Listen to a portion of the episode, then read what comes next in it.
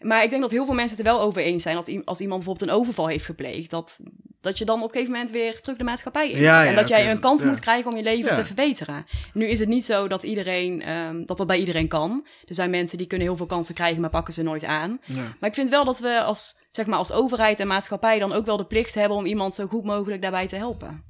En daar is de maatschappij bij gediend, omdat het dan een veiliger land wordt. En die persoon ook.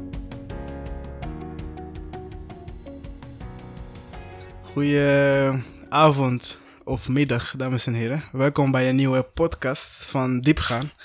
Met je host eh, Ibrahim, de enige echte. Vandaag heb ik een hele bijzondere gast. Eh, iemand die eigenlijk eh, had ik niet verwacht dat ze ja zou zeggen om op podcast te komen bij mij. Maar ik ben blij dat ze er is, mevrouw Carlijn.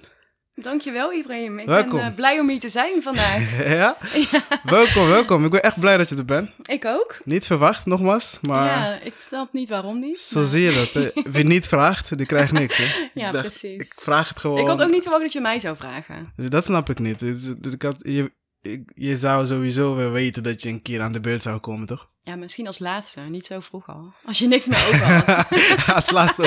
Nee, nee, nee, nee. Ik had je sowieso in gedachten. Ik had je sowieso in gedachten om je uit te nodigen. Maar nogmaals, ik had nooit verwacht dat je ja zou zeggen. Maar Ja, ik voel me vereerd dat ik Dankjewel. mag komen vandaag. Dankjewel Ik voor heb je tijd. laten we beginnen zoals ik altijd bij iedereen begin. Hoe gaat het met je? Het gaat eh, goed met mij. Ja? Ja. Even, even dichter bij de microfoon. Oh, Niet sorry. bang is het zijn. beter? Ja, dat is beter. ja? Ja, Hoe is het eh, in deze tijd van... eh, deze Niks. corona, coronatijden. ja. Ehm, ja, wel een beetje gek. Want ik Ja? werk nu eh, net als eh, heel veel mensen weer helemaal thuis. Ja? Dus eh, inmiddels ook al een half jaar. En ik ben ook in april ben ik begonnen aan een nieuwe baan. Dus dat was midden in de, toen corona net begon, zeg maar. ja. Dus dat was een beetje een gek begin, maar ehm, ja, we maken er het beste van, toch? Hou je het mentaal nog wel een beetje vol? Jawel, het was denk ik voor iedereen op het begin best wel zwaar. Dat je gewoon... Het wordt niet makkelijker, moet ik zeggen. Nee, het wordt niet makkelijker, maar je went er wel aan, vind je niet? Ja, ik weet niet. Ik vind het wel, toch wel echt... eh, mentaal wordt het steeds zwaarder, weet je. Het is op een gegeven moment weer gewoon doorgaan, weet je. Weer Maar het is misschien ook wel omdat je eh, op het begin weet je niet hoe lang het duurt. En nu Ja. heb je ook het gevoel dat het misschien niet meer snel eindigt. En dat je Nu- ook niet weet waar het ja, naartoe precies. gaat, toch? Ja, nu duurt het iets te lang voor mij doen. Ja. En wat vind je ervan, eh, laten we gelijk daarmee beginnen. Wat vind je ervan de hele gebeuren rondom... hashtag ik doe niet meer mee. Hashtag the people. ja, free the people. ja. Hoe sta je erin? ja, oh, dat is grappig dat je dit vraagt. Want we hadden het hier natuurlijk al een beetje over gehad eh, aan de telefoon laat. Ja, ja, ik vind het een beetje lastig, want ik snap wel dat mensen het beu zijn en dat mensen ook kritisch zijn naar de overheid toe. En ik denk dat dat ook goed is. Eh. Je moet natuurlijk niet altijd alles wat de overheid zegt voor waar aannemen en altijd alles maar volgen. Ehm, maar tegelijkertijd is het ook wel, ehm, ook wel lastig, denk ik. Omdat eh, de overheid moet natuurlijk ook keuzes maken. En ik denk dat die keuze ook heel goed valt te verdedigen. Maar Ja. ik denk aan de andere kant wel dat het heel erg zou helpen als we ook weten waar we het voor doen. En dat wordt niet altijd duidelijk gemaakt. Er wordt Nee. niet goed gecommuniceerd wanneer het beter gaat worden. En ik snap dat ze dat niet weten, maar ik denk dat dat het voor heel veel mensen moeilijk maakt. En waardoor mensen daarom misschien ook zeggen, hashtag ik doe niet meer mee. dat is gelijk de extreme. En Ja. mensen, mensen die, eh, die zo denken worden gelijk in een hoekje gestopt Ja, van ja, die klopt. Dat- conspiracy-denkers. Ja, dat Maar- zag je ook bij Femke Louise. Nu was het ook wel een extreem slecht voorbeeld De- natuurlijk. Meteen maar- de, de eh, sprook, hoe noem je dat? Die, eh, die persoon die dan precies de juiste argumenten naar voren kan brengen. Die werd gekozen. Ja, precies. Ook echt van alle mensen die je kan vragen. Precies, dan vraag je eh, Famke ja, Louise. Maar goed, ik, ik moet zeggen, ik, eh, ik dacht dus eigenlijk tot een paar weken geleden had ik ook zoiets van, oké, weet je, de overheid die doen wel wat ze kunnen met de feiten die ze hebben. En toen kwam gewoon op een gegeven moment kwam ik eh, in contact met mensen die dan precies net een beetje anders denken. Mhm. En dan die mensen die dus in de hokjes worden gestopt. En ik ben toch wel iets verder gaan luisteren naar die mensen. Dan, voor- als je voorbij die hashtag ik doe niet meer mee luistert, die mensen zeggen echt wel hele belangrijke dingen, vind ik, waar misschien de kabinet weinig naar voren brengt. Weet je? Dat bijvoorbeeld dingen zoals ehm, de, pres de pressie die omhoog gaat, de huisgeweld die omhoog gaat, eh, ouderen die licht dementie hadden en nu helemaal zwaar dementerend zijn, weet je? Kankerpatiënten, de diagnose van kanker die helemaal, alsof kanker er niet meer is, Ja. weet je? Dat, dat- Ja, precies. Maar ik- het was ook wel zo dat die hashtag ik doe niet meer mee, die is ook totaal verkeerd geïnterpreteerd in de Ja, media. Want ja. het was niet dat mensen geloven dat corona niet bestaat of dat het een hoax is, want dat was niet zo. Nee, Maar het was meer dat mensen inderdaad kijken naar al die collateral damage die je nu hebt. En dat mensen daar gewoon kritisch over zijn. ja. Maar het is wel wat jij zegt. Het heeft natuurlijk ook heel veel negatieve gevolgen voor andere mensen die ziek zijn, voor oudere mensen die eenzaam zijn.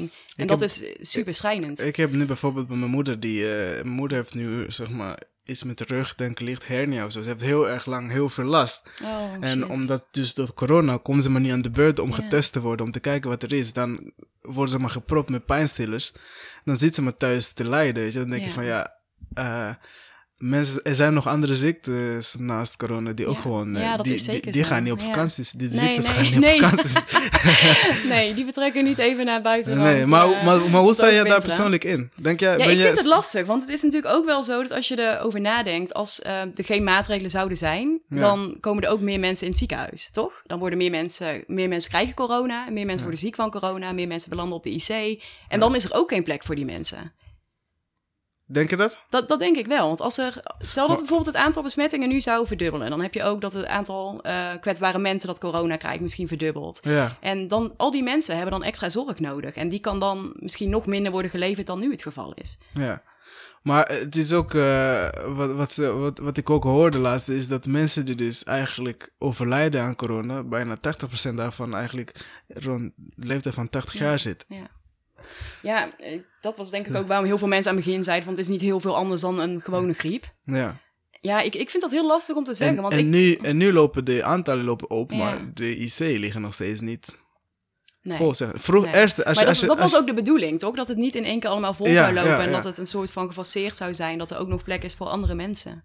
Op Maar het moment dat het echt... bijvoorbeeld echt in het begin waren er, eh, als je zeg maar zag hoeveel, als je ging melden bij hoeveel eh, besmettingen er zijn, dan Mhm. zag je eh 5000 besmettingen, 30 doden. Nu Ja. zie je alleen maar besmettingen, je ziet geen doden meer. Nou, die worden nog steeds wel genoemd, maar het zijn er gewoon een stuk minder. Ja, maar mij las er ik laatst dat er zes of vijf waren. En dat is natuurlijk relatief weinig. Maar is dat, dan, eh, is dat dan nog steeds in verhouding met de maatregelen die er nu zijn, vind je? Ja, dat is een hele goede vraag. Ik, ik, ik vind dat heel lastig om te zeggen, omdat ik gewoon... Ik, ik denk dat ik me daar niet genoeg in verdiept heb om Ja. daar hele specifieke uitspraken over te doen. Dus Ja. ik vind dat ik daar voorzichtig in moet zijn. en ik snap echt beide kanten wel. Je bent echt Maar een is- politicus.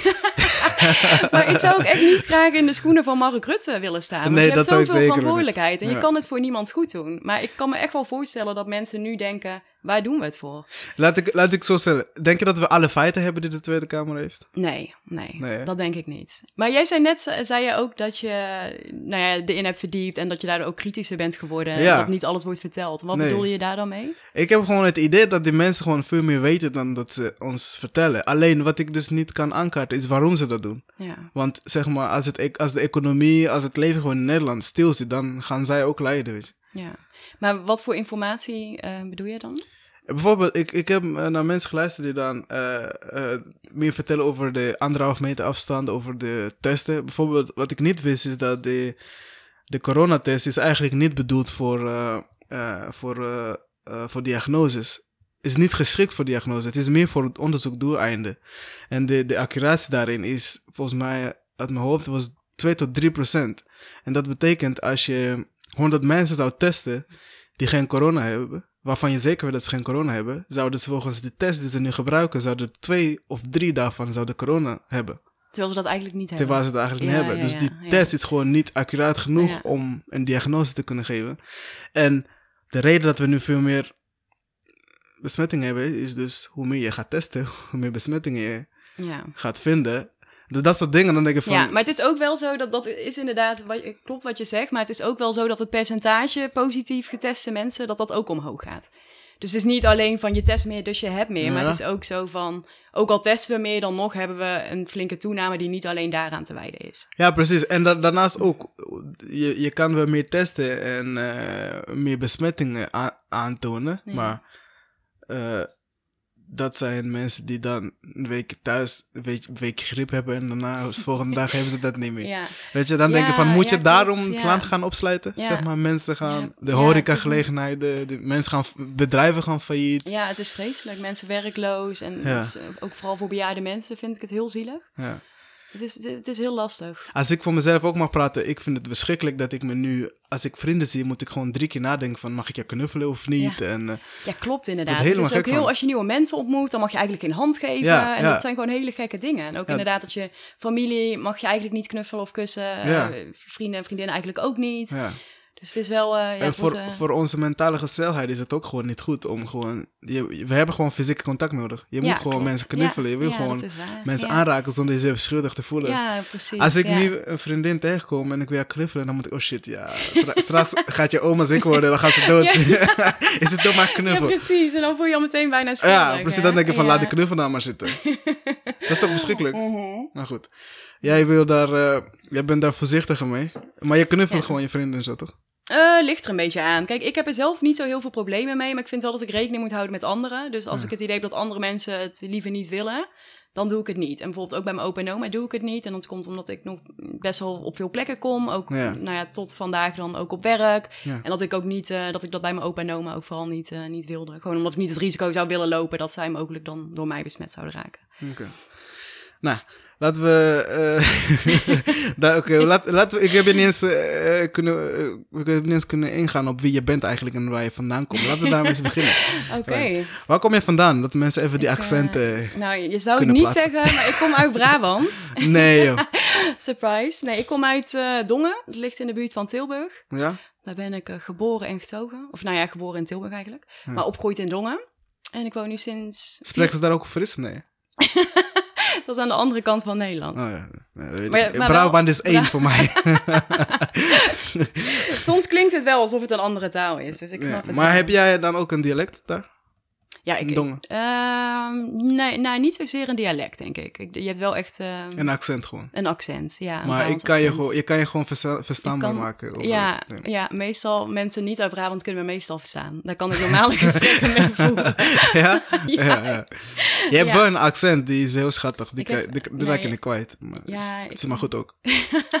Nou, ik heb het idee dat het misschien wel iets minder wordt, hoor. Ja, dat komt ik woon nu al te lang- 4,5 jaar in Utrecht ook. Hoe lang? 4,5 jaar. 4,5? 4,5. Nee, 3,5. 3,5 jaar. 3,5 jaar, ja. Eh, je bent uit... Je komt uit een gezin van twee, toch? Ja, broer klopt. en- Ik eh, heb nog een oudere broer. Die Ja. woont in eh, Costa Rica. En die Oh. komt donderdag naar Nederland voor het eerst sinds december. Want die op natuurlijk ook niet... Nee, hij woont in Costa Rica. Woont je broer in Costa Rica? Ja, die woont in Costa Rica. Die Ah. zit daar voor zijn werk, inmiddels al vier jaar. Hij is eh export manager voor een Nederlands bedrijf dat daar zaken doet. Dus hij woont daar echt al ruim vier jaar ook. Ah, Oké, dat is ook heel lang. Ook al heel lang, ja zeker. Hij is tussendoor ook nog een keer eh, naar Peru verhuisd, heeft hij een jaartje gewoond. En nu dus eh, sinds eh, anderhalf jaar weer in Costa Rica. Is dat niet lastig om eh, je broer zo ver te hebben? Nee, daar wen je wel aan. En mijn broer die is ook altijd, eh, die, die houdt ook altijd al heel veel van reizen. Dus die heeft ook tijdens de studie al meerdere keren in het buitenland gewoond. Ik heb zelf twee jaar eh, in Amerika gewoond. Ja, ja, klopt. Dus je, je went er wel aan. En dat maakt het ook wel extra leuk als je elkaar dan weer ziet. Dat is Dus, zielig voor eh, jullie ouders. Die zien jullie bijna nooit. Nou, ik denk dat ze ook wel blij waren toen ik terugkwam uit Amerika. Dat er in ieder geval één kind nog in Nederland In woonde. Nederland is, Ja, ja. zeker. Ja. en hoe, je ging naar Amerika voor je studie? Ja, klopt inderdaad. Ik heb eh, HBO rechten gedaan. En toen heb ik tijdens eh, mijn opleiding... ben ik een half jaar naar het buitenland gegaan om daar te studeren. Ja. Aan een Amerikaanse universiteit in Texas. En eh, dat was eigenlijk zo leuk dat ik daar ook voor mijn master heen wilde. En dat komt ook omdat ehm, het programma dat ik daar deed was een criminologie. Ja. En in Nederland is het heel moeilijk om, eh, als je een bepaalde bachelor hebt, om dan een masteropleiding te doen in een andere richting. ja, Dan moet je of eerst een pre-master doen als die er is, of je moet zelfs bachelor opnieuw doen. daar ben ik afgehaakt, ja. Ja, ja, snap ik. Dat is voor veel mensen. En dat slaat eigenlijk ook nergens op dat Nederland daar zo strikt in is. Ik denk dat eh, Nederland daar een, echt een uitzondering is op andere landen. Ja, ik denk dat ze vinden, vinden de HBO-niveau en de universitaire niveau is gewoon een Ja, gat in. ja, ja, vind je? ik Of, vind of het vind je dat de maar overheid dat vindt? Ik denk dat de overheid, zij Ja. hebben dat systeem verzonnen, denk ik, Ja. toch? Ja, ergens snap ik het wel, omdat het HBO is natuurlijk veel praktischer eh, dan de universiteit. Ja, maar bete- ik denk dat als je je HBO eh, gewoon goed afrondt en dan kom je doorheen, dan kan je ook makkelijk naar de universiteit. Ja, en aan de andere kant, wat de HBO'ers hebben, wat de universiteit, universitaire mensen niet hebben, is die praktijkervaring. Dat, dat Ja, voegt een hele andere Ja, dimensie ja. Op, je, op je theorie. Dus, Ja, nee, dat is wel zo. Op de HBO doe je stages en je hebt veel meer en ik denk dat dat echt Dus minstens net zo waardevol is. Als je dan kiest om eh, universiteit te gaan doen, dan mogen ze echt weer vanuit gaan dat je dat kan. Vind ik. Ja, nee, daar ben ik het helemaal mee eens. Maar hoe was dat eh, in Amerika? Want, eh, is het net als wat wij in films zien, eh, in Ehm, American Pie, zeg maar? ja, jawel. Ja, ik weet nog dat ik daar voor het eerst kwam. En dat, toen was ik 20 nog, dus dat is echt alweer even geleden. Dat was in 2013. En toen kwam ik daar aan. En ik was toen met een vriendin eh, die ook eh, hetzelfde programma deed. En toen kwamen we aan bij ons appartement. En toen zag ik daar allemaal mensen basketballen en mensen aan het zwembad zitten. En toen dacht Ah. ik al, oh, dit wordt wel echt zo'n Amerika-ervaring. Zat je in zo'n op zo'n campus of had je gewoon een Eh, appartement? nee, het was wel buiten de universiteit. Dus het was gewoon een appartementencomplex, maar wel echt heel erg... Het was alleen eigenlijk maar. alleen voor studenten inderdaad. Ah, oké, dus er waren ook ah. heel veel feestjes, Ja. poolparties en heel veel sport. Dus het was in dat opzicht wel ehm, ja, echt zoals je verwacht van Amerika. Ook Ja? met cheerleaders, met American football en ja, echt... Heb je dat allemaal meegemaakt? allemaal En, eh, meegemaakt. Heb je ook ja, meegegaan naar wedstrijden. Nee, ik heb niet gecheerlead, want dat is dus echt best wel moeilijk, hè. Dat is gewoon echt een sport Het is niet alleen maar met een spons eh, Nee, het is echt niet alleen le- leuk uitzien en een beetje met zo'n pompons Ja, draaien. je hebt de I, we hebben de E. Nee? Nee. Nee. Ging je nou je naam ervan maken? Ja, ja, ja. Dat, dat, dat, dat doen cheerleaders toch? Ze gaan eh, Nee, jouw die naam... kunnen echt eh, wel, die zijn echt heel lenig en die kunnen echt heel veel. Dus het is gewoon is ook een topsport. echt een topsport, ja. Die zijn ook allemaal super fit, dus daar heb ik echt respect voor. Maar en de opleiding dan? Was het... ja, we eh, dwalen weer beetje- helemaal af. Ja. dat is bij mij is het altijd zo. We gaan ja, alle kanten ja, op. precies. Maar ehm, ja, toen ging ik daar dus heen voor een half jaar. Was een superleuke ervaring. Ook heel veel andere buitenlandse studenten ontmoet en veel vriendschappen opgedaan. Eh, maar ik vond dus ook de vakken die ik daar volgde, vond ik echt super interessant. Want dat was eigenlijk de eerste keer dat ik echt eh, meer leerde over criminologie. En toen kwam ik er ook wel achter dat dat echt was wat ik wilde doen. Ja. Toen heb ik besloten om, ehm, toen ik was afgestudeerd, eh, om dan terug te gaan naar Texas, zelfde universiteit. Om daar een master te doen voor twee jaar. Ja. Dus toen een half jaar later ging ik weer terug. En nu wat langer. En toen twee jaar. En toen ben ik twee jaar gaan. Ja, klopt. En dat, ja. daar, dus je, je hebt je master helemaal afgerond daar. Ik zo. heb mijn master helemaal afgerond daar. Dat was ook helemaal los van een Nederlandse universiteit. Dus ik heb me gewoon daar ingeschreven. Ik heb daar ook een beurs gekregen, wat heel fijn was, anders had ik van het ook niet. Amerikaans. Van Amerika ja, zelf. van de, ja, van de universiteit daar. Is dat niet eh, moeilijk om eh, te regelen? Ehm, nee, nee, dat dacht ik van tevoren ook. En dat was ook wat mij een beetje tegenhield. Maar dat eh, viel bij die universiteit heel erg mee. Dat kwam ook omdat die universiteit relatief goedkoop was. Dus volgens mij betaalde ik daar... het- Volgens mij was het collegegeld eigenlijk 14.000 per jaar. Dus dat is natuurlijk superveel als je Ja. het vergelijkt met Nederland. ja. Maar daar ging dan, ehm, ik ging dan 7000 van af en dan betaalde zij nog een deel. Dus uiteindelijk was het vergelijkbaar met wat je in Nederland Maar wat is dan hun motivatie om voor jou te betalen? Want zij weten dat je na je opleiding gelijk precies. Ja, nee, klopt. Ja, het is daar zo dat eh, bij die universiteit was het zo dat als jij een master doet, en er worden maar heel weinig mensen toegelaten. Dus wij starten volgens mij met acht masterstudenten. Ja. Ja, in Nederland start je echt met honderden. Ja. Eh, en al die mensen die worden toegelaten krijgen ook een beurs. Dus je krijgt een vergoeding voor je collegegeld. En daarnaast word je ook aangenomen als een soort studentassistent. Dus je, je wordt toegewezen aan een docent en die help je met onderwijs. En dat doe je dan 20 uur in de week en daar krijg je betaald voor. Dus, eh, en, en dan is het, hopen ze dan dat je dan blijft hangen als je klaar bent? Of Ik denk dat zij het gewoon als een investering zien. voor de hele wereld? Ja, voor de hele wereld. Ja, misschien wel. En ik denk dat het ook wel zo is dat eh, als buitenlandse student, dat is natuurlijk altijd positief voor een universiteit. Dan kunnen ze zeggen, we hebben zoveel nationaliteiten. ja, en, eh, ja. Zat je ook met eh, allemaal, allerlei nationaliteiten in de klas? Of in de, nee, tijdens mijn master niet. Was ik echt de enige Nederlander. Met alleen maar Amerikanen? Met alleen maar Amerikanen. Dat vond ik op het begin ook heel gek. Hoe was Ehm, dat? Hoe kijken ze zeg maar naar jou, die Amerikanen? Ja, dat vonden ze ook maar een beetje gek allemaal. Want Ja? zij waren ook echt niet gewend aan internationale studenten. En ik was ook niet gewend aan alleen maar Amerikaanse studenten. Ja. Ze hadden het ook heel vaak over dingen waarvan ik geen idee had waar ze het over hadden. Dan voel ik me ook echt zo'n een beetje een soort van buitenstaander. Ja. Maar eh, ja, dat was eigenlijk ook wel heel leuk. En zij vonden het ook leuk om dan andere perspectieven te horen. En dat, Ja, de eh, Nederlandse- de ja, nuchterheid, Ja, zeker, eh. ja. Maar wat, wat als, je, als je zeg maar een groot verschil zou kunnen noemen tussen Amerikaanse studenten en Nederlandse studenten, wat zou je, wat komt in je op? Oh, dat is een hele goede vraag. Het grootste verschil. Ik denk, oh, dan moet ik even goed nadenken. Neem je tijd, geen haast.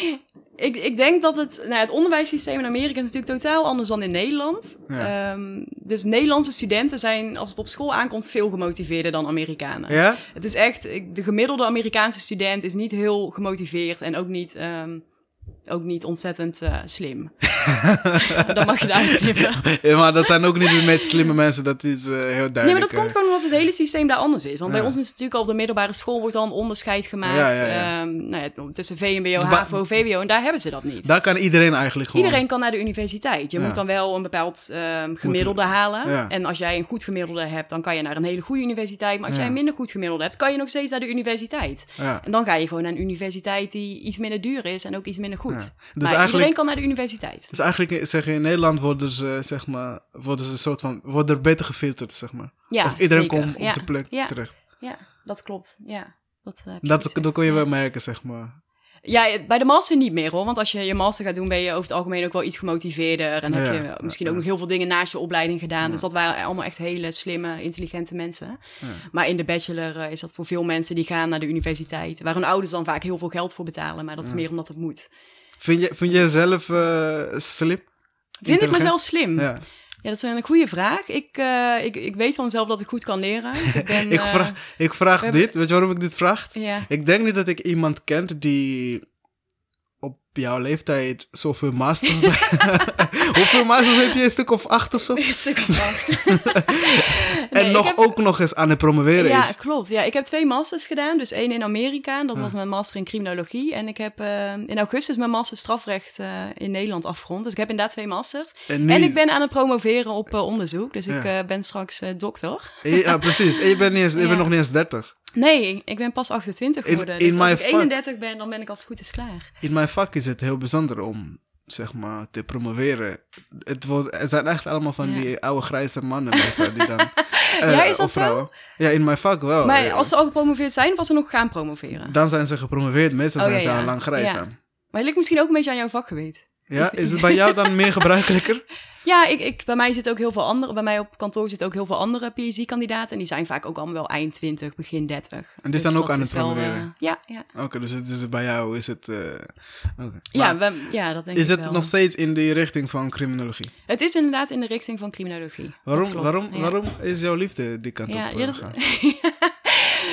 dat, dat vind ik heel moeilijk te beantwoorden. Wat, Ik- heb je iets met criminelen? Ja, ik, ik vind dat, ik heb dat altijd echt, toen ik al heel klein was, vond ik dat altijd al heel interessant. Toen was ik altijd al geïnteresseerd in moordzaken. Toen keek ik heel vaak Peter R. de Vries, toen dat nog op televisie kwam. Weet je ja, dat nog? ja, ja. Nee, ik heb dat nooit gekeken, maar ik, Oh, dat ik ken echt een gemis. Ja. Maar ja, toen wist ik eigenlijk al wel dat ik daar iets mee wilde doen. En toen was mijn ehm, eerste idee was om strafrechtadvocaat te worden. En dat is nog steeds iets ehm, ja, wat ik ook heel graag had willen doen. Maar op een gegeven moment moet je een keuze maken natuurlijk. Maar Want dat, ehm, strafrechtadvocaat, dat zijn eh die mensen die in de rechtszaal zitten. Ja, precies. met die, die, verdachten met, die, met verdedigen. lange jurk, jurk Ja. en Ja, klopt. Zo'n hoed. Ja. Ja. ja, ik heb het altijd heel interessant gevonden waarom mensen crimineel worden, crimineel gedrag vertonen en wat we daarmee moeten, zeg maar. Is dat, eh, is, de, ik vind, nou, althans, ik vind het zelf het gevaar daarin is dat je op een gegeven moment sympathie gaat hebben voor criminelen als je, te als je ze begrijpt. Vind je dat niet? Ja, daar Of heb je misschien wel gelijk in, want ik denk dat ik begripvoller ben ehm, naar criminelen dan dat de meeste mensen zijn. Ja. En dat komt denk ik omdat ik ook, eh, ik heb stage gelopen in een gevangenis. Ik heb toen ik in Texas woonde, heb ik interviews gedaan met gangmembers in een gevangenis. Serieus? Ja, bij mijn vorige baan heb ik ook veel met gedetineerden gewerkt.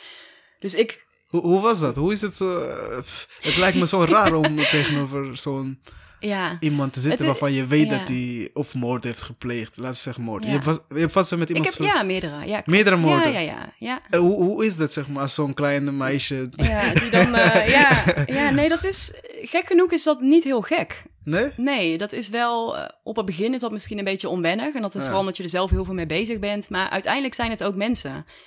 En dat is heel moeilijk voor te stellen. Maar vaak zit er dan iemand tegenover je die ook ehm, misschien een beetje zenuwachtig is. Of ze geen houding weet te geven. En ja, dan zie je echt dat er meer achter iemand zit dan wat iemand gedaan heeft. En dat is totaal niet om het goed te praten. Nee. Uh, maar heel vaak zit er bij die mensen wel een verhaal. En dat kan bijvoorbeeld zijn dat je een hele slechte jeugd hebt gehad. Of dat je op het verkeerde pad bent geraakt.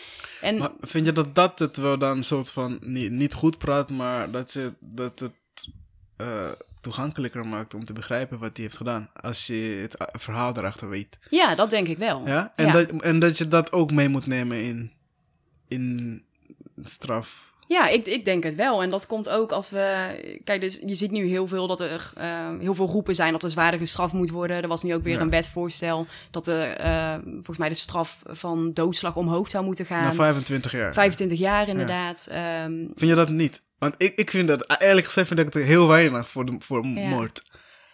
25 ja, jaar. Als ja, ik, dat snap ik. En ik denk Ja. dat heel veel mensen daar hetzelfde over denken. En want dat is nu 15 jaar, toch? Of zo? het is nu inderdaad 15 jaar. Dan zou ik eigenlijk, als ik, als ik iemand vermoord op mijn 20ste, kom ik op mijn Ja. 35, op mijn 35ste uit. Dan heb ik nog mijn hele leven voor me, weet je. Ja, dat klopt inderdaad. Ja, Dus dat ik snap toch- dat je zo denkt. En ik denk dat er heel veel mensen zijn die zo denken. En dat is heel begrijpelijk. Ehm, maar ik denk dan altijd van... ehm, tuurlijk moet er gestraft worden. Ja. En ehm, soms kan die straf misschien niet lang genoeg zijn. Ja. Bijvoorbeeld eh, bij Michael P. die levenslang heeft gekregen. Ik denk dat we dat allemaal begrijpen. Ja. Maar in principe is het in Nederland zo dat we ervan uitgaan... dat iemand op een gegeven moment weer terug de maatschappij in moet keren. Dus jij hebt boete gedaan voor wat jij hebt gedaan. Dat keuren we allemaal af. Maar we zeggen in Nederland wel van, jij hebt je straf uitgezeten, dus jij mag Ja. weer terug de maatschappij in. En daar moet iemand bij geholpen worden. En jij vindt dat daar eigenlijk geen grens is. Er is geen daad waar eigenlijk je niet genoeg straf voor kan hebben, zeg maar. Ik, ik denk dat er eh, zeker daden zijn waar bijvoorbeeld levenslang op zijn plek is. En dat Ja. is vooral als iemand zo'n gevaar voor de maatschappij vormt dat iemand nooit meer terug zou moeten kunnen keren. Een eh, En- voorbeeld van zo'n iemand, denk je? Iemand die dan voor een serie bijvoorbeeld Michael P. Of inderdaad een seriemoordenaar.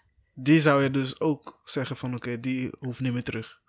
Als iemand eh, nog steeds een gevaar vormt, dan vind ik niet dat zo iemand nog terug de maatschappij in moet. En- Maar het is wel zo dat mensen. Kijk, we hebben het nu over de zwaarste vorm van criminaliteit die er Ja, is. Dat is ja, moord. Eh, net als verkrachting, dat vinden we allemaal Pedofilie. natuurlijk vreselijk. En pedofilie ook. Maar ik denk dat heel veel mensen het er wel over eens zijn dat als iemand bijvoorbeeld een overval heeft gepleegd, dat, dat je dan op een gegeven moment weer terug de maatschappij in. Ja, en dat jij een kans ja. moet krijgen om je leven te verbeteren. Nu is het niet zo dat iedereen, ehm, dat dat bij iedereen kan. Er zijn mensen die kunnen heel veel kansen krijgen, maar pakken ze nooit aan. Maar ik vind wel dat we als, zeg maar, als overheid en maatschappij dan ook wel de plicht hebben om iemand zo goed mogelijk daarbij te helpen.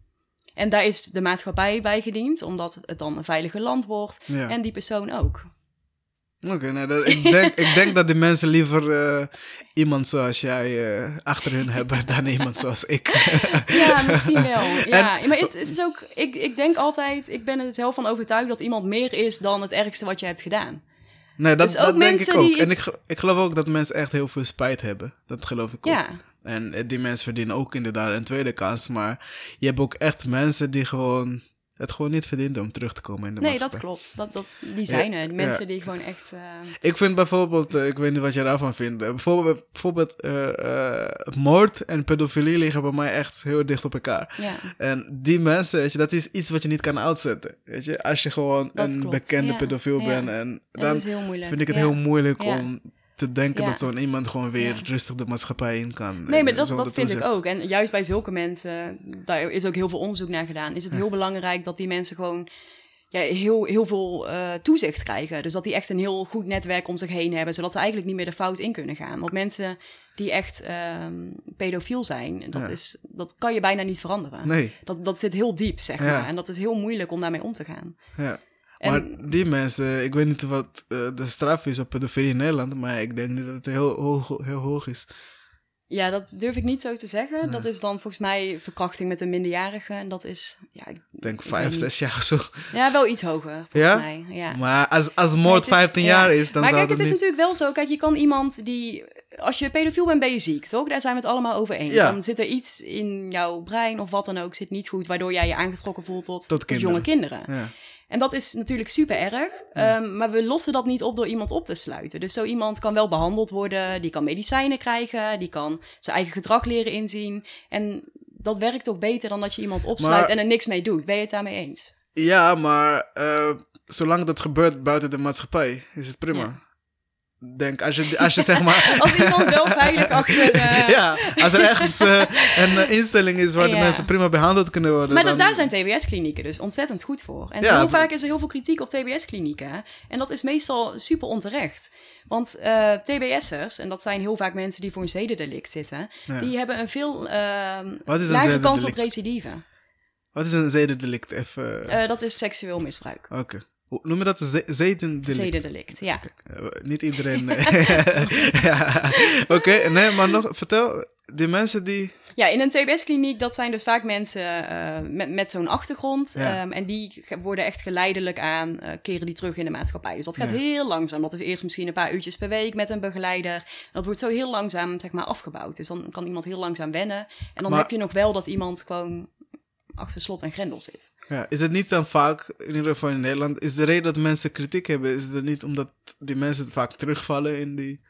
Dat ja, ze- d- dat percentage is bij TBS'ers dus veel lager dan bij een gewone gevangenis. dus mensen die terugvallen in de oude gewoonte zijn, eh, gebeurt vaker bij gevangenen dan bij Ja, TBS'ers. TBS'ers die genezen, als Die, het ware. die doen het relatief goed. Ja? Ja. Oké. Want dat was inderdaad onderdeel van je werk. Je deed eh, iets met... eh, Met, met- met klachten van gedetineerden. ja, dat was en het. dat ja. was eh, uit de TBS-klinieken meestal, toch? Eh, ja, TBS-kliniek en ook eh, gevangenissen. Ja. Die dan, als ze klachten hadden over dat ze oneerlijk behandeld werden, die eh ja, bij jou klopt. terecht. Ja, jij die kwamen bij mij terecht. En dan, afhankelijk van de klacht, dan gingen we naar een zitting, dan in de gevangenis of kliniek. Hm. En dan werd over die klacht gesproken en dan ehm, gingen we daar een beslissing op nemen. Wat, eh, oh, dit is weer een hele random vraag. maar die moet je aan wennen. Eh, Mhm. Wat vind jij eh, van het Amerikaanse rechtssysteem en het Nederlandse rechtssysteem? Want jij hebt dus jij hebt ze allebei van dichtbij meegemaakt. En volgens mij, hoe ik het, als ik het kan samenvatten, hoe ik het ken, is dat Amerikanen. Je hebt van die ju- ju- juries die dan zo'n verhaal luisteren van Mhm. eh, beide kanten. En dan mogen zij bepalen of jij schuldig of niet schuldig bent. En daarna de rechter bepaalt hoe lang je daarvoor moet zitten, meestal toch? Eh, ja, volgens mij klopt dat wel. Ik moet zeggen dat ik het ook niet precies weet hoe het zit met die juryrechtspraak. Ehm, Ja, dus volgens mij was het de jury die bepaalt dan of je, of je Ja, schuldig ja, bent of niet. En daarna de rechter die bepaalt hoe lang je straf is. Ja, volgens mij is dat niet altijd zo. Ik geloof dat dat ook door een eh, jury zelf kan eh, gebeuren. Want het kan dus ook zo zijn dat een jury eh, doodstraf oplegt of levenslang. De jury. Ja, maar Dus het klopt die- inderdaad wel dat je twee fases hebt. In eerste instantie wordt ehm, in het proces besloten of iemand eh, wel of niet schuldig is. Ja. En als dat is bepaald, wordt dan besloten wat de strafmaat moet Ja, zijn. maar in ieder geval, de rechter in Nederland, in, in Amerika hebben heel veel macht, weet je? Dat is, eh, Ja, dat dat klopt, is vaak, ja. daarom is ook heel veel mensen En de die gewoon- officier van justitie daar ook, veel ja, meer dan in ja, Nederland. Ja, want daar is het ook, zeg maar, je hebt sommige mensen die dan voor een, eh, voor een pakje wiet en dan echt 40 jaar gaan zitten, weet je? Ja, en, klopt, ja. En mensen voor moord die dan Ja, binnen vijf jaar ja. uit zijn. En, eh, en in Nederland is het dan, eh, is denk ik, eh, hier is de rechter die bepaalt of je strafbaar bent of niet. En die gaat dan op basis van eh, eerder zaken, gaat hij dan bepalen hoe lang je straf mag worden, toch? Ja, dat klopt inderdaad. Ja, in, ja nee, dat het heb je, heb je Goed, hè? supergoed. Ja. Nou, maar wat vind, jij, ja. wat vind jij zelf het beste systeem, denk je? Ja, ik denk dat we in Nederland eh, best wel goede rechtspraak hebben. En heel vaak vinden mensen in Nederland het te weinig. Te soft, ja. Te soft, inderdaad. Terwijl eh, Nederland het als Europees land, zeg maar, wat hoger zit dan gemiddeld. ja. Dus dat is niet echt zo. Maar ik, ik begrijp het wel. En ik denk ook dat voor veel mensen een, een straf nooit hoog genoeg kan zijn. Dat is natuurlijk vooral voor slachtoffers. Ja. Als jouw kind jou ontnomen wordt, dan is geen één straf, kan dat wegnemen. Nee. Maar het is wel zo dat in Nederland, je hebt in principe een onafhankelijke rechter. En ik geloof echt dat dat in Nederland ook echt daadwerkelijk onafhankelijk is. En in Denk? Amerika is dat totaal anders. Ja, daar, Totaal als, als, een rechter is- jou daar niet mag, eh, Ja. dan heb je echt fucked. Ja, dat is gewoon ook heel bizar hoe die procedures daar zijn. Want het is geloof ik ook zo dat als je officier van justitie bent, dan word je gekozen door het publiek. Dus voor een officier van justitie kan het dan juist heel eh, gunstig zijn als jij gekozen wil worden. Dat jij bijvoorbeeld heel erg gaat inzetten op de doodstraf. Omdat dat Ja. meer stemmen op kan leveren. Ja, dat soort zaken. Precies, Dat is gewoon veel hele meer een politiek proces. politiek.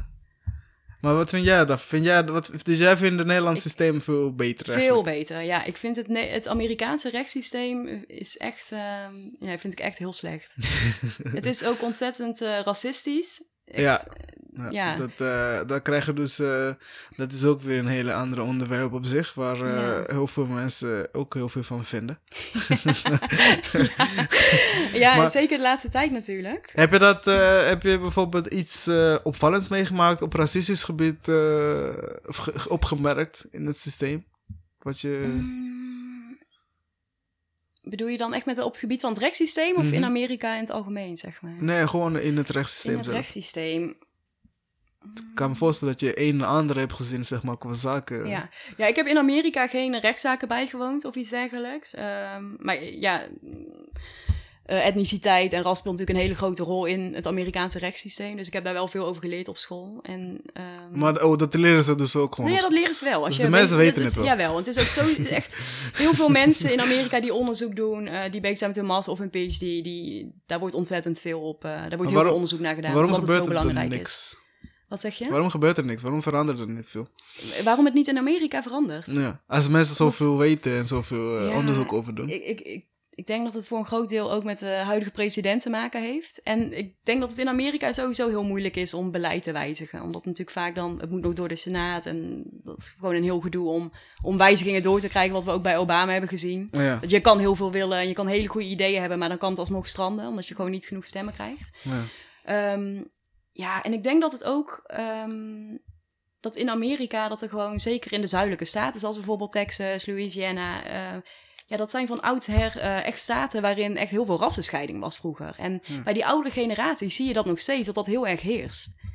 Ja? Dus ik denk dat heel veel de jonge generatie is, dat zie je nu ook bij protesten, die zijn heel erg open voor verandering, die willen gelijkheid. Maar ik denk dat dat bij de oude generatie toch wat minder is. Ja, en ik denk dat het gebeurt nu veel meer omdat de, de jonge generatie is veel meer met elkaar verbonden. Ja, dat denk ik ook. Met eh, social media en alles. Dan, Ja. eh, je wordt snel gehoord en je, Ja. Je krijgt steun van allerlei Ja. kanten. Maar hoe zie jij dat? Want jij bent ook best wel veel ehm, op social media bezig, toch? En dan krijg je ook veel onderwerpen aan, zoals Ja. racisme, discriminatie. Ja. En heb je het gevoel dat dat ehm, ja, bijdraagt? Ja, ik, eh, ik, ik heb het, gevoel dat het eh, zeker bijdraagt. En op welke schaal weet ik niet. Maar ik heb altijd, meestal als ik inderdaad dingen deelt op eh, social Mhm. media, dan krijg ik een reactie. En al die reactie van mensen, soms voor of soms tegen. Maar gewoon dat gesprek, dat je het gesprek aangaat met mensen, dat is al genoeg, weet je. ja, Want alleen als je een ander perspectief kan bieden aan mensen die dus eigenlijk niet op die manier denken en daar een klein beetje iets verandert, dan heb je al een zaadje geplant en dat zaadje wordt alleen maar groter. En die mensen kunnen daarna weer. Dus ik denk dat het Dus zeker jij, jij ziet het ook een beetje als jouw taak om mensen te informeren en om Ja, eh, ja, ik denk in discussie te gaan. Ik denk het wel, want Mm. het scheelt echt. Het is, eh, ik denk voor, voor mensen die daar niet mee te maken hebben, die kunnen niet goed begrijpen, Ja. die kunnen niet snappen hoe frustrerend het is Ja. om constant Ja.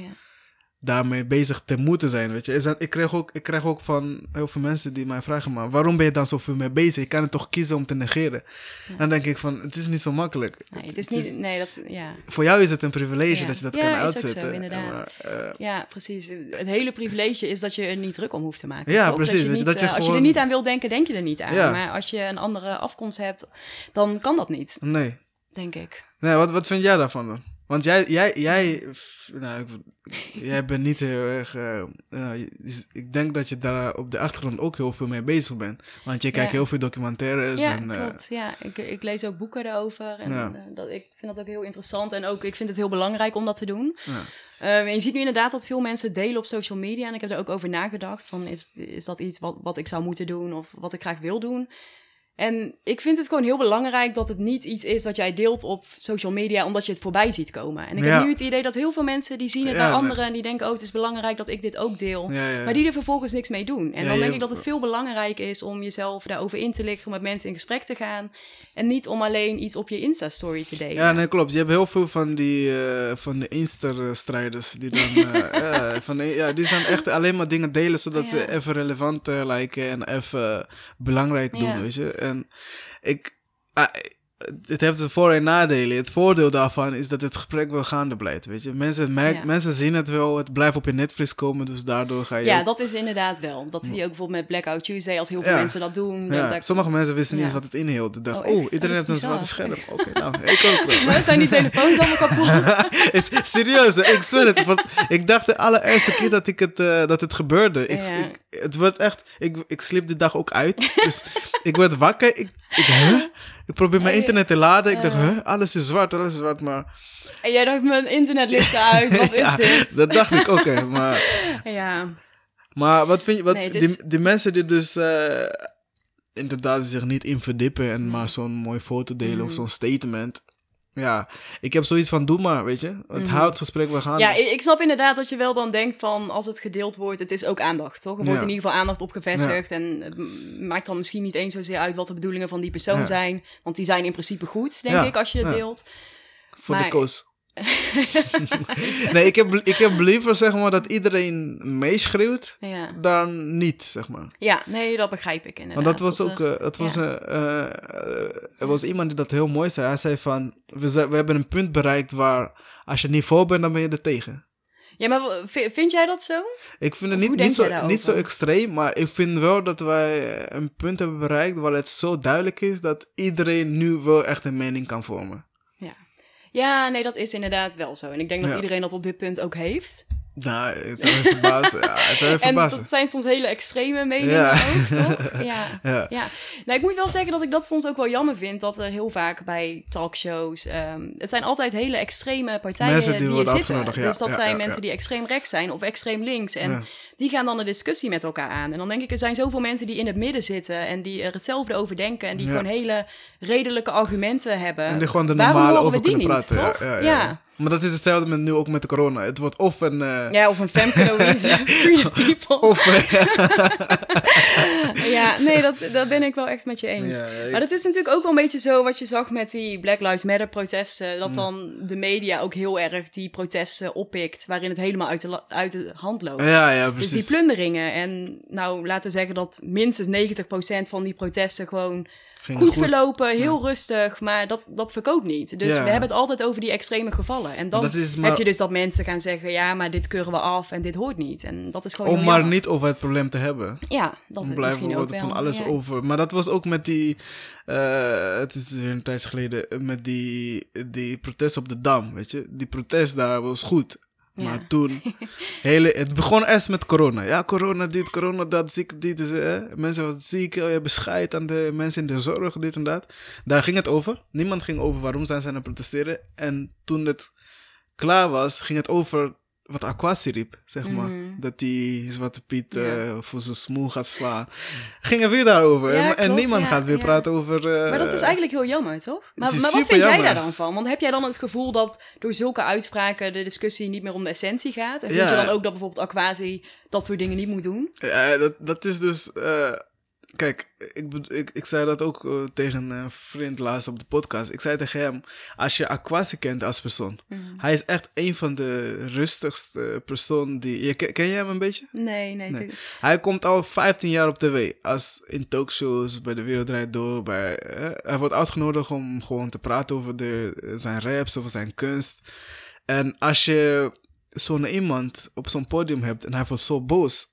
Dat is al een statement op zich. Ja. Snap je? Dat is al krachtig genoeg. Maar is het tactisch om zulke woorden te gaan gebruiken? Ik vind van niet, want je geeft dus mensen weer munitie Ja, om tegen je te Ja, gebruiken. ja, en ik denk dat het ook door, da dat daardoor heel veel mensen zeggen van ja, maar dat mensen zeg maar die, die boodschap afkeuren. Maar misschien niet eens zozeer ehm, ja, wat erachter zit, maar gewoon Ja. de manier waarop het gebracht wordt. En ik Ja, denk dat dat best wel zonde is. Toch? Ik denk ook niet eens per se dat de mensen de boodschap af- afkeuren. Ik denk gewoon dat ze niet naar de boodschap willen luisteren. En Ja. dat ze dus alles wat ze kunnen pakken om niet naar de boodschap te hoeven luisteren, ook gewoon pakken. ja, ja, dat is misschien Ja, en dat moet je dus dan niet geven, vind ik. Maar ja, voor eh, mensen van kleur en mensen die daar wel voor zijn, Ja. die er ook boos zijn, was het een perfecte boodschap wat hij heeft gegeven daar. Ja. Want hij Ja, liet wel echt de ja. frustraties in, Ja. zeg maar. Van oké, we zijn echt klaar mee.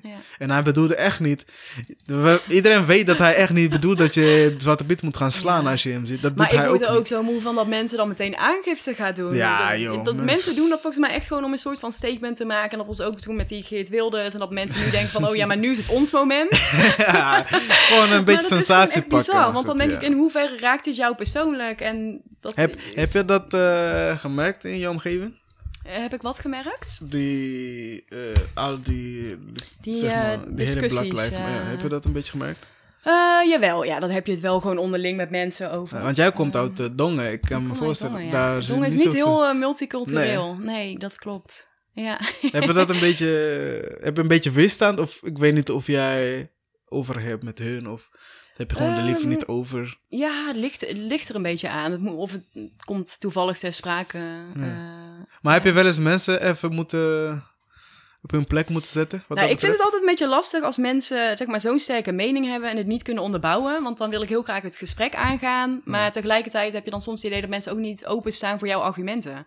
Dat die, je hebt heel veel mensen die zeggen, ja, maar ik ben het er gewoon niet mee eens. Want Zwarte Piet moet zwart zijn, want het was altijd zo. En als kind was het zo leuk. Ja. Maar met zulke mensen kun je niet, die willen de andere kant niet horen, denk ik. En nou ja, dat, ik probeer denk dat voor jou eens. helemaal geldt. Dat het heel vermoeiend kan zijn om met zulke mensen vermoeiend. toch het gesprek aan te gaan. Het is super vermoeiend, maar heb je het wel eens geprobeerd? Ik probeer het wel eens, ja. En? Ja, ja. Wat- word je dan gefrustreerd of denk ja, je van... jawel. Ja? Ja? Ja. ja. Dus ik kan me niet eens voorstellen hoe dat moet zijn als het je ook echt persoonlijk... eh, Ja, dan is het nog extra moeilijk. Ik, eh, ik was, er was een periode waar ik echt mentaal gewoon er klaar mee was. Gewoon echt. ja. Dat het gewoon, dat was toen het heel heftig was, die hele beweging. een paar maanden geleden, denk ik. Ja. Ja. En Toen dan eh, kreeg je ook een bepaalde weerstand van je vrienden ook. Van mensen naast je, weet je. Mensen Ja. waarvan je verwacht, die zouden dat wel Ja. even moeten begrijpen. Ja. Dan dan, b- is krijg je ook, niet, eh, ja, krijg je ja. ook eerder eh, weerstand dan eh, meewerking. Maar, maar hoe, hoe ga je daar dan mee om? Als je bijvoorbeeld vrienden in je kring hebt of andere mensen die daar toch een hele andere mening over hebben. ik heb gemerkt dat ik met vrienden ben ik dan wel... Er er was een periode dat ik gewoon echt heel veel directer werd. Dat ik gewoon dacht, oké, weet je, meestal... eh, je wil, als het iemand je vriend of je vriendin is, dan wil je diegene wel uitleggen waar Ja. het op hoe het is, maar je wil diegene ook niet kwetsen, want je weet dat de hart van die persoon op de juiste plek is. Dus je moet wel goed dingen uitleggen, maar niet kwetsen. En dat is moeilijk, hè? Ja, ik kan me Dus, voorstellen. ja, Ja, dus, ja, ja. dus ik had een punt bereikt waar ik dacht van, weet je wat, jouw gevoel maakt me nu even niet uit. Je weet dat ik van je houd, dus ik ga nu ook gewoon even duidelijk zijn. ja. ja, dat kan ik wel voorstellen. Dan wordt het wel wat makkelijker. Ja. Ja, het is misschien ook wel dat het... ehm, dat andere mensen hebben misschien een andere mening, maar zij mogen ook een andere mening hebben. Ja, ja, dat mag maar ook. ik denk dat het wel heel pijnlijk kan zijn als die mening zo ver van jou afstaat en jou ook persoonlijk raakt. Toch? ja, ja, precies. dan wordt het wel een ander verhaal. Dan is het niet gewoon een meningsverschil, maar dan voelt het misschien ook alsof iemand ehm, jou als persoon misschien niet. Ja, eh, ja, precies. Dat, je, dat diegene jou gewoon niet begrijpt. Ja. Terwijl je dat eigenlijk verwacht van iemand die een vriend of een Ja, vriendin. ja, precies. Juist van die mensen, toch? Die Ja, staan, precies. verwacht Ja. En het is eh, ook iets, ik weet, kijk, ik heb, ik heb donkere vrienden voor die zich hier niet heel erg. Weet je, het Ja, raakt hun, maar niet heel erg. Weet je, ze denken Ja, van ja, weet je, het, ras- is er, ja, oké, ik kan er niks aan doen. Ik, ik leef prima, ik kan mijn huur betalen, ik kan mijn eten eten, dat is genoeg, weet je. En die mensen eh, denken dan ook, soms zeggen ook tegen mij, ja, maar waarom maak je dan zo'n ding van, weet je? Jij kan toch, je hebt toch werk, je hebt toch dit, je hebt toch Ja. dat. Maar dan denk ik van, nou, dat, dat ik het heb, dat Ja. betekent niet dat ik er geen last van heb. nee, of precies. dat andere dat- mensen er geen last nee, ja. Dus dat is ook moeilijk om, om mee te dealen, weet je? ja, dat kan ik me voorstellen. Maar heb je dan soms niet het idee dat je bijvoorbeeld heel veel negatieve energie kost? Jawel, jawel, Ja. heel erg. Heel erg veel negatieve energie. Daarom, op een gegeven moment, je kan het ook niet voor altijd mee bezig zijn. Op een gegeven moment moet je gewoon zeggen, oké, nu is het genoeg. Ja. Hm, Die punt was wel heel erg bereikt. ja, dat kan ik me voorstellen. Ik had de weer een hele andere onderwerp. ik had eh, een, iets opgeschreven eh, Ja. waar ik heel graag met jou over zou hebben. Ik, het voor het eerst dat ik even iets echt opschrijf bij iemand. Nou, vertel, ik ben Maar benieuwd. ik wil het met jou hebben over onzekerheid. Oké. Kom ja, op. ik, kijk, je bent, eh, althans, laat ik, eh, laat ik het zo, zo direct vragen. Ben Mhm. jij wel eens onzeker? Ja, ik ben wel eens onzeker. Ik, ik denk dat de meeste mensen wel eens onzeker zijn. Maar denk Dus je dat je dat goed kan verbloemen? Als in dat je dat niet laat zien? Of... Ik, ik denk dat je dat bij mij best wel snel kan zien. Ja? Ja, dat denk ik wel. Ja. Waarom denk je dat? Ja, weet ik niet. Ik gewoon, eh, ja. ja? Dat is een hele moeilijke vraag. Maar ik denk dat je dat bij mij, ik, aan mij kan je sowieso denk ik wel snel stemmingen aflezen. Dus Je bent een hele uitgesproken persoon. Als in, is dat dan eh, een, eh, een masker? nee, nee, dat is het niet. Want als Nee? ik echt, als ik me bijvoorbeeld, als ik me onzeker voel of zenuwachtig ben of ongemakkelijk voel, dan zie je dat ook aan mij. Ja? Ja, zeker, ja. Heb je dat vaak? Heb je dat regelmatig? Eh, ik heb dat bijvoorbeeld op werk wel, in de privésfeer wat minder. Maar ik heb bijvoorbeeld, ik ben iemand die totaal niet van spreken in het openbaar houdt. Dus dat is voor mij, ook al ben ik nu 28, dat is Ja. voor mij elke keer weer een drempel. Ja. Dus het is ook dat ik nu met mijn werk, ja, ga ik ook presentaties geven. Het is ook de bedoeling dat ik uiteindelijk bij een universiteit ga werken, en les ga geven. Dus dat is echt wel uit mijn comfortzone. Maar daarom is het juist ook belangrijk om het te doen. Dus Maar je gaat is- wel, zeg maar... Ik ga dat wel doen, ja. Ik vind Je dat gaat- je, kijk, tuurlijk heeft iedereen angsten, maar het is echt belangrijk dat je die niet uit de weg gaat. Dus Kan, jij, kan jij je onzekerheid dan eh, terug... eh, je- dat je het onder controle kan houden, zeg maar? nee, of het Of- kan terughalen, zeg maar. Je kan waar het vandaan komt en hoe het is gekomen. Nee, ja, dat weet ik niet. Ik, ik je hebt natuurlijk mensen die bijvoorbeeld van nature heel, heel comfortabel zijn voor een grote groep. Of die heel Ja. veel zelfvertrouwen uitstralen. En ik heb dat denk ik van nature gewoon iets minder. Ja, Maar je hebt ook mensen die bijvoorbeeld eh, op een latere leeftijd onzeker zijn omdat ze vroeger zijn gepest. Omdat, nee, dat, eh, dat is bij mij niet. eh, nee? nee? nee, Dus daar zit verder niet heel veel achter. er zit geen gekke trauma's Nee, ja, het is, achter, ik heb daar ook wel eens met jou over gehad. Van dat ik soms toch echt wel een beetje imposter syndrome heb. En dat, Dat je, ja, ja, precies. En ik weet dat jij dat ook hebt. Maar ik heb dat vooral echt met werk. Waarin ik dat heel, eh, heel erg heb. Dat je gewoon jezelf Ja. eh, afvraagt van hoe de fuck ben erg. ik hier gekomen? Ja, eh, en als- het hoort volgens mij ook eh, bij promoveren, zeg maar. Dat is sowieso iets waar heel veel mensen zichzelf tegenkomen. Ook heel veel mensen krijgen een burn-out. En dat is... Ja. Nou, ik denk dat het voor veel mensen een hele uitdagende periode is. Ehm, dus ik merk ook dat ik dan nu heel vaak... Als het specifiek om werk gaat, dat ik dan daar best wel onzeker over kan zijn. Dat ik dan het wel heel belangrijk vind eh, om goed te zijn in mijn werk. Maar dat ik toch ergens nog een angst heb dat er een keer iemand achterkomt dat ik misschien toch niet zo goed ben. ondanks dat ik twee masters heb. En een doctoraat binnenkort. Ja, Maar, maar jij hebt dat ook wel, toch? ja, ik, eh, ik heb wel eens dat ik gewoon mezelf afvraag van hoe de fuck heb ik mezelf tot zover kunnen bluffen. Dat je denkt, het kan echt niet lang meer goed gaan, ja, toch? ja, ja, ja. Maar Ja. aan, dan, eh, aan de andere kant eh, vraag je af, wa- waar, waar komt dat vandaan, weet je? Want jij doet wel wat je hoort te doen en Ja. blijkbaar goed genoeg. Maar, maar waar denk je dat dat bij jou doorkomt? Ik denk bij mij, ik denk dat ik eh, eh, het gevoel, zeg maar, dat je anders bent dan iedereen om je heen, dat dat een hele grote rol speelt, weet je? En dat. Misschien ik, heb je daardoor ook het gevoel dat jij je meer moet bewijzen dan ja, anderen. ja, nee, dat zeker. Ik heb altijd het gevoel van, eh, kijk, eh, heel vaak waar ik, bij, bij veel kamers waar ik binnenkom, ben ik meestal een van de weinige donkere personen. Mhm. En eh, als ik het verkloot, verkloot ik voor de volgende. Ja, ik- ja, ik snap wel dat jij veel meer ehm, een soort van druk voelt om een Ja, positieve indruk ja. achter te laten Ja. voor donkere mensen. Ja, en dat, dat is dan soms wel echt een grote last. Ja. En je kan het niet uitzetten. Nee, nee, nee, precies. Als, nee, dat, ja. Al zou je het willen. ja, zou ik het willen, dat kan ja, het niet. ja, precies. Ja. Maar jouw onzekerheid, eh, denk je dat dat jou belemmert? Soms wel, denk ik. Ik denk wel dat ik, ehm, omdat ik dan bijvoorbeeld over mijn werk onzeker kan zijn, dat ik daardoor misschien iets sneller op de achtergrond blijf. Ik zie bijvoorbeeld om me heen, dat sowieso denk ik op, tijdens je master en PhD, zie je heel veel mensen die heel uitgesproken zijn en heel zeker van zichzelf. En Ja. ik ben dat gewoon een stuk minder. Dus ik denk wel dat ik daardoor misschien minder snel dingen van mezelf laat zien, waardoor ik ook misschien vaker niet gezien word. Terwijl je eigenlijk gezien wil worden diep van binnen. Ah, Ja, eigenlijk wel. Maar ja, het is dan toch ergens dat dat eh, imposter syndroom naar boven komt en denkt van ja, misschien ook maar niet. Ben je dan bang dat je bijvoorbeeld wat je zegt, dat het eh dom overkomt? Of dat het... Ja, ook wel. Want ik heb gewoon heel veel. Ik zit bij heel veel meetings en vaak heb ik gewoon echt geen idee waar het over gaat. En er zijn gewoon hele slimme mensen die bij mij werken. En ik ben net begonnen. Dus ik ben ook, zeg maar, vergeleken met al mijn collega's, ben ik ook gewoon een van de meest, een van de minst ontwikkelde slimme mensen op dit moment. Ja. Terwijl eigenlijk, eh, de, ik bedoel, de maatschappelijke ladder, die heb jij geklommen nu tot de top. Ja. Ik bedoel, Maar je- toch heb ik altijd het gevoel, want inderdaad wat jij ook al vroeg, hè, van vind je jezelf slim? Of, mm, ik, ik vind dat, ik denk niet dat ik buitengewoon slim ben. Ik denk dat ik gemotiveerd ben en ambitie heb en dan kun je een hoop komen. Maar misschien dat ik daardoor soms ook wel denk van, misschien is dat ook de reden waarom ik het heb gered. Omdat ik gewoon doorzettingsvermogen heb. ja, En niet zozeer omdat ik heel goed ben in wat ik doe.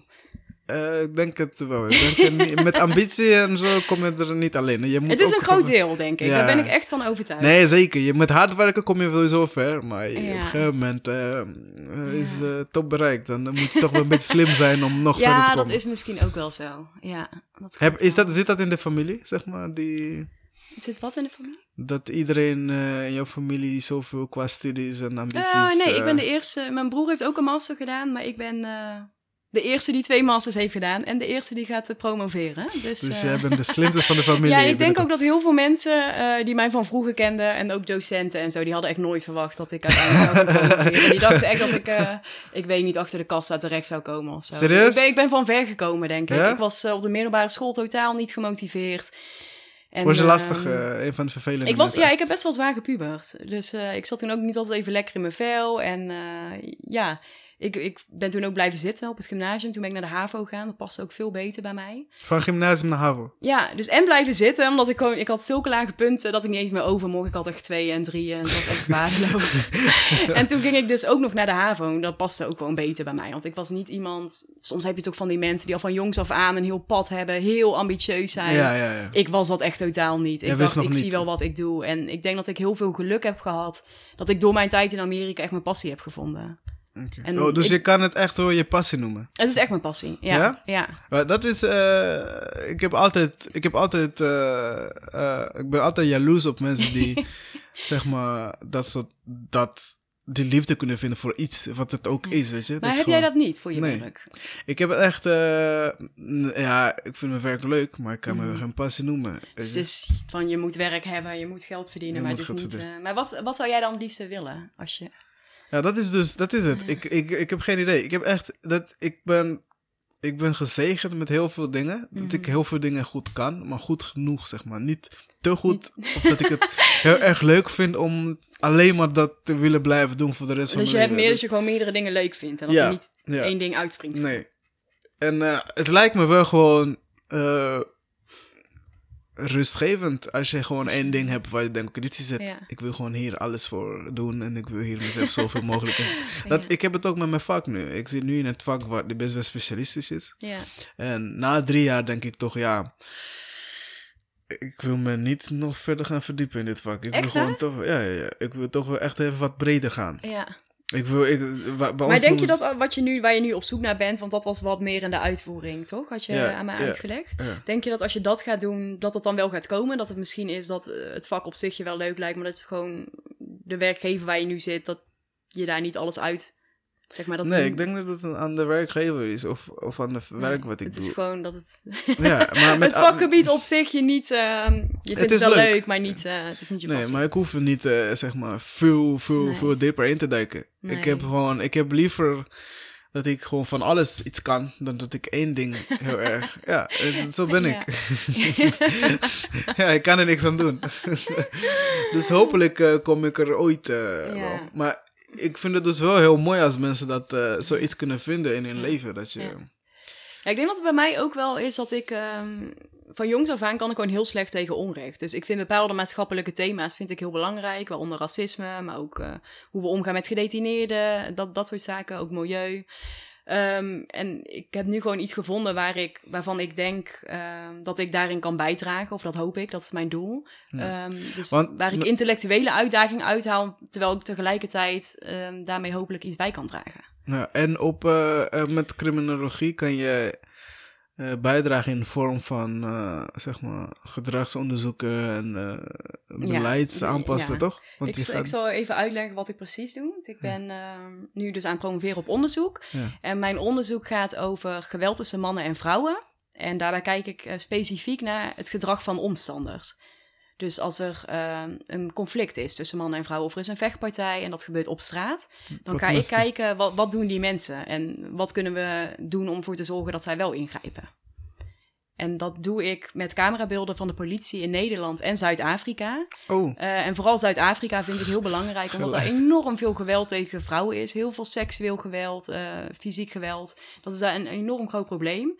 En in Zuid-Afrika is het natuurlijk ook zo dat vanwege apartheid, dat de politie... eh, mensen zijn geen fan van de politie daar. Dus als er iets gebeurt, bellen mensen de politie vaak niet. En juist dan is het zo belangrijk dat er mensen in de omgeving zijn die wel iets doen. En die ook weten wat ze kunnen doen. ja. Dus het doel is dat mijn onderzoek uiteindelijk ook gaat bijdragen aan een soort eerste hulpgids. Waarin mensen dus worden geïnformeerd over hoe ze situaties kunnen herkennen. En ook over wat zij kunnen doen om ehm, ja, dat te voorkomen. Maar je doet het dus door middel van beelden. Je hebt allemaal straatbeelden waarvan... Ja. Van, Dat klopt, ja. Incidenten. Beelden van eh, vechtpartijen in eh, Nederland Maar- en Zuid-Afrika. help mij, maar duurt zo'n onderzoek vier jaar? Die vier jaar inderdaad, ja. Hoeveel, hoeveel beelden heb jij dat je vier jaar over moet doen? Ja, op zich gaat het niet eens zozeer om de beelden, waardoor het zo lang duurt. Ehm, maar het is zo dat je als je promoveert, moet je gewoon heel intensief met een onderwerp bezig zijn. En dat duurt gewoon heel lang, want vaak moet je zelf nog data verzamelen. Eh, ik ga daarvoor ook naar Zuid-Afrika volgend jaar voor eh, twee of drie maanden als alles doorgaat Ah, met leuk. corona nu. Ja, vast wel. Ja, en dan ehm, moet je dus die beelden verzamelen, je moet er naar kijken, je moet het coderen, je moet het dus omzetten naar andere data waar je analyses mee kan doen. En je moet dus ook, eh, je onderzoek moet je publiceren. In, ja, in vorm van een boek of... kan een boek zijn of het kan in eh, een artikel zijn in vakbladen. En Ja. het doel daarvan is dus dat andere onderzoekers dat lezen, die kunnen daarmee verder gaan. Het kan beleid beïnvloeden. Ja, En je moet dus vier artikelen moet je publiceren. En daar gaat gewoon best wel veel tijd overheen. vier artikelen. Vier artikelen. En daar ja. ben je fulltime mee bezig, Daar vier jaar lang. fulltime mee bezig, ja. Vier jaar lang. En dan Vier word je betaald. lang, alleen met dit. En dan word je voor betaald. Daar word ik voor betaald, inderdaad. Van ons ja. belastinggeld. ja. ja, indirect wel. Ja. Nee, ik, ik, hoop, ik, hoop, ik hoop dat, je, dat het eh, iets moois uitkomt. Ik ga je artikel Ja. lezen. Je gaat sowieso even tussen, toch?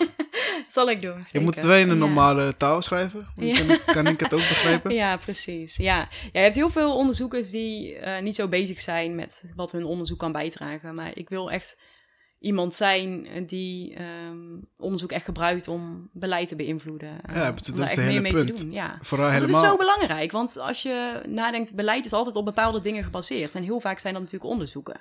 Dus door onderzoek weten we heel veel dingen. En dat Ja. moeten we ook gebruiken om eh, dingen aan te passen als dat nodig is. Ja, dat- vind ik ook. Eh, en, eh, blij dat er mensen zijn die die tijd willen nemen. die dat op zich nemen. ja, die vier jaar van hun leven erin willen investeren. Dat- ik denk niet dat iedereen oh. daar... Ja. Denk je, word je niet, als je denkt van ik moet er vier jaar lang over doen. ja, aan de ene kant wel hoor. En soms is het ook wel dat ik denk, oh, ik moet nog zo lang. Ja, Maar aan de andere kant gaat die tijd ook wel heel snel voorbij. En het is ook wel... Ik, heb jij een scriptie geschreven op het hbo? Ja, verschrikkelijk.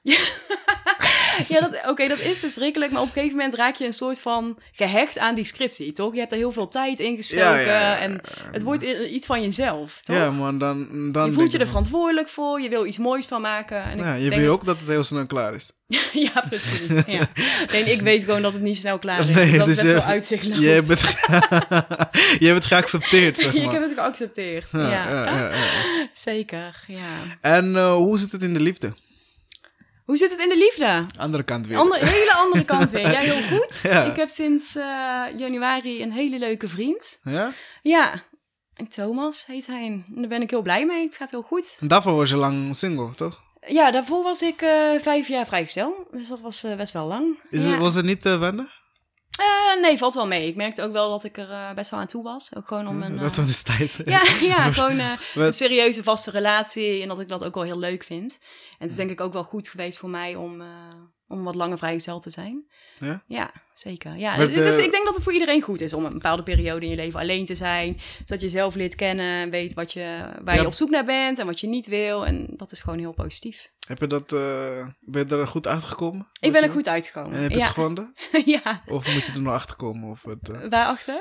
of het nou, of, of je alles wat je wil, of je dat ook echt hebt gevonden. Nee, dat heb ik wel gevonden. Ja? Ja, zeker. Ja. Eh, dat is mooi. Je bent Ja. eh één jaar, zei je toch? Wat zeg je? Je bent één jaar in relatie. Nou ja, acht maanden nu. Ach man, Ja. het gaat snel. het gaat heel snel, maar het komt ook door corona, denk ik, dat de tijd zo snel Want gaat. we, we, ken, we, kennen elkaar sinds Lowlands. We Dat kennen elkaar van Lowlands, ja. Dat is dat eigenlijk is- een heel grappig verhaal. Ja, Dat is niet, je verwacht dan ook niet dat je een jaar later... dat je nog steeds Samen een podcast hebt. maken. Precies. Ja, nee.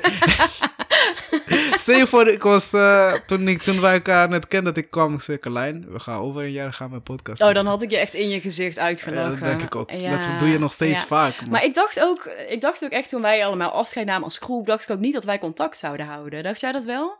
ik, dacht het, ik dacht het wel, maar ik dacht dat het gaat verwateren op een Ja, maar gegeven dat moment. heb je vaak. En dat is Ja. bij ons denk ik ook. Want wij hebben, we hadden het toevallig toen straks over, dat we elkaar ook bijna een jaar niet hebben gezien. Ja, En we hebben wel altijd contact gehouden. Ja, toch? Dus me- meestal verwatert dat dan als je elkaar niet ziet. Maar Ja. wij bellen ook wel regelmatig. En ja. af en toe stuur je me weer filmpjes door van Femke Louise. ja, precies.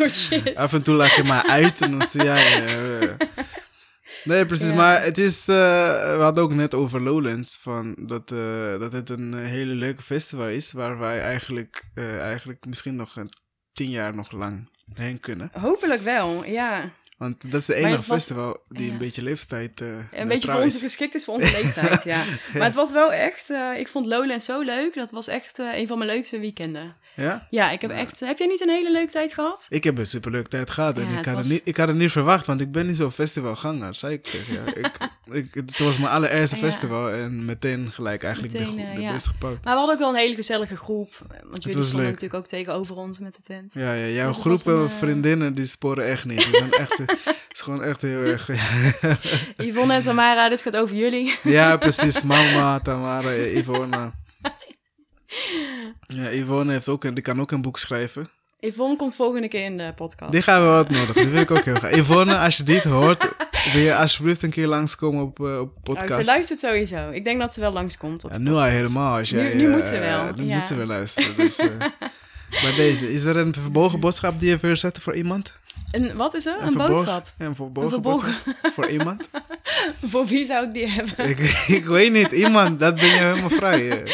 Ik heb geen boodschap. Oké, nee. top. Dan eh, zal ik alvast gaan eh, afsluiten. Ik heb altijd... eh, het is trouwens nu bijna een uur, iets meer dan Het gaat een uur. echt heel snel voorbij. Ja, ik zei het Ja. Als je eenmaal Ja. bezig bent, is het zo Dan voorbij. vliegt de tijd. Maar ehm, eh, ik sluit altijd met dezelfde vraag. Ik weet niet of je hem kent. Nee, Denk het niet, natuurlijk niet. Eh, je moet even aan... geskipt. ja, dat dacht ik al. je moet eh, even aan, ehm eh, aan een moment denken in je leven waar je het gelukkigste was. Oké. Heb je? Ja. Wat was het? Ik denk toen ik op reis was. In Amerika? Of gewoon- in Midden-Amerika. Ik ben na mijn master ben ik drie maanden door Amerika gaan reizen. Oh, waar ben je Met geweest? een, in Costa Rica, Mexico, Nicaragua en Cuba. Alleen? Alleen, ja. Eh, ja. En dat was... eh, was een hele goede ervaring. Echt een, he- ik ben heel blij dat ik dat heb gedaan. Ja, ja. is het, eh, kom je, is het zo'n cliché dat je jezelf helemaal Ja, het is, het is zo'n cliché, maar, Maar het clichés zijn wel. meestal ook wel waar. ja, precies, precies. Ja. Dus je bent jezelf een beetje... ja, dat klinkt altijd zo, zo zwaar, vind je niet? Dat je jezelf hebt gevonden. Ja, ik denk als en je dat... vind je jezelf ooit echt? Nee, het is, Want je een, blijft je ook ontwikkelen, het toch? het is een blijvende als zoek. persoon en ja. het is een blijvende zoektocht, inderdaad. Maar ja. eh, als je alleen op reis bent, dan kom je wel hele grote Ik, dingen ik van denk dat je dan tegen. wel meer over dingen nadenkt, zeg maar. En meer eh, bewust leeft. Ja, en Toch? En gewoon nu- achterkomen waar, Ja. wat je leuk vindt en wat niet. En wat voor persoon je bent en met wie je graag wil zijn en eh, wie Met niet. wie niet? Ja, nee, dat is ook belangrijk om te ja, weten. nou is ook zo. Ja, Oké, maar oké, dat was dus jouw gelukkigste moment. Ja. En ehm, eh, dat is een, een tien, zeg maar. Mhm. En denk aan het meeste ongelukkigste moment in je leven. Is dit nou ook weer voor vraag? Kan dat ook gewoon een recent ongelukkig moment zijn? Ja, je meest ongelukkigste moment. De eerste wat je in je opkomt. Dat je Ja, denkt ik, van, ik kom niet echt... zo snel iets in mij op. Ja, er was zo'n moment wat je, wat je denkt van, ik was echt niet gelukkig op dat moment. Ja, daar moet ik echt even over nadenken. Dan door een gebeurtenis of gewoon een periode Ja, een periode en gebeurt. Het mag alles zijn. Gewoon dat je denkt, oké, ik voelde me echt niet chill op dat moment. Ik was echt niet blij met mezelf. Met de Dat is een omgeving. hele goede vraag. Ja, het kan een break-up zijn geweest, of het kan een ruzie met eh, een vriendin of eh, iets. ik weet niet. Ja, ik weet niet. Misschien dan als, als puber, denk ik. een spuber? Ja. Als in, eh, je, je zei dat je niet gepest werd. dus Nee, nee, nee, nee. Dat Maar- niet. Gewoon, ja, niet zo lekker in je vel en dat soort dingen. Dat je dingen niet begreep gewoon. Ja, gewoon, ja, dat misschien. Oké, dus dan is het best wel lang geleden dat je erg ongelukkig Ja. bent geweest. Ja, ik ben, ik ben wel op andere momenten kort ongelukkig geweest, maar niet langdurig, denk ik. Oké, maar oké, dan zo'n moment is dan een 1. Oké. Dus het meest ongelukkig moment was een 10 op reis. Ja. En de 1 was in je puber Ja. dat je super ongelukkig bent. Waar ben je dan op dit moment? Dan ben ik op dit moment een 7. Een 7. Een 7, ja. Iets meer, voldo- iets meer dan... Ja, dat, Is dat, dat- is, vind je een 7 positief of vind je dat laag? Het is eh, eh, voldoende, Het is maar het is wel de voldoende, laagste tot nu toe. Is dat, is dat het laagste cijfer dat iemand ooit heeft gegeven? Ja, tot nu toe was het Echt? 8, 9, 10. Ja. Ja, maar misschien geven zij makkelijker hoog cijfers. Ja, ja, dat kan, maar dat is, het is persoonlijk. Maar kan je Ja, dit, kan je nee. even verklaren dan? Ja, ik denk eh, een 7. Ik ben... ja, trouwens, kan ik het nog veranderen? Misschien een 7,5 Nee. of een 8. Eigenlijk is een 7 misschien ook best wel ja, maar er is niks goeds of fout. hè. Het is jouw Nee. cijfer, dus Ja, een dat 7 ook is, goed. Nee, ja, ik, ik denk op dit moment een 7. En dat komt denk ik gewoon een beetje door corona. Dat het voor iedereen zwaar is. En dat het gewoon... eh, Je bent een beetje klaar mee. Ja, en dat het is natuurlijk ook gewoon wat er allemaal speelt. Is gewoon best wel... eh, heftig allemaal. Maar verder, ik, ja, privé gaat het goed. Ik ben heel blij dat ik eindelijk ben promoveren. Daar heb ik heel lang naartoe gewerkt. En Hmm. nu kom ik eindelijk iets dichterbij. En dat ik een hele leuke vriend heb. Dus dat is eigenlijk allemaal heel positief. Oké. Dus een 7 plus. Een 7 plus, dat is een goeie. Oké. Ja, top. Nou, eh dankjewel voor je tijd. En, Graag eh, gedaan. Het was leuk wat om vond je te ervan? zijn. Ik vond het leuk. Ja? Ja, het ging heel snel voorbij ook. Het gaat heel snel voorbij. ja, ja. maar dat is altijd wel als je met jou in gesprek bent. Nou, precies. Zoals op Eh, Lowlands. Dankjewel voor je tijd. En ja, ik hoop dat je promotie, dat je het goed gaat afronden. En Ik hoop het ook. Als, ik het, als het allemaal volgens plan gaat, dan nodig ik je uit op mijn uitreiking. Top. Moet ik in pak? Ja, dat is heel formeel. Ah, shit. dan kom Kan ik ook in traditionele Ja, Afrikaans? ja, doe dat. Dat is leuk. Dan is het goed. Dan kom ik sowieso. Ja, ja, Is ja. goed. En goed. En ik hoop dat je, dat je jouw 7 en een 10 mag worden in de toekomst. Dankjewel, dat Ik hoop ik ik gun je alle geluk toe. Ik jou ook. En eh, ja, het gaat je goed. Jou ook. Dankjewel.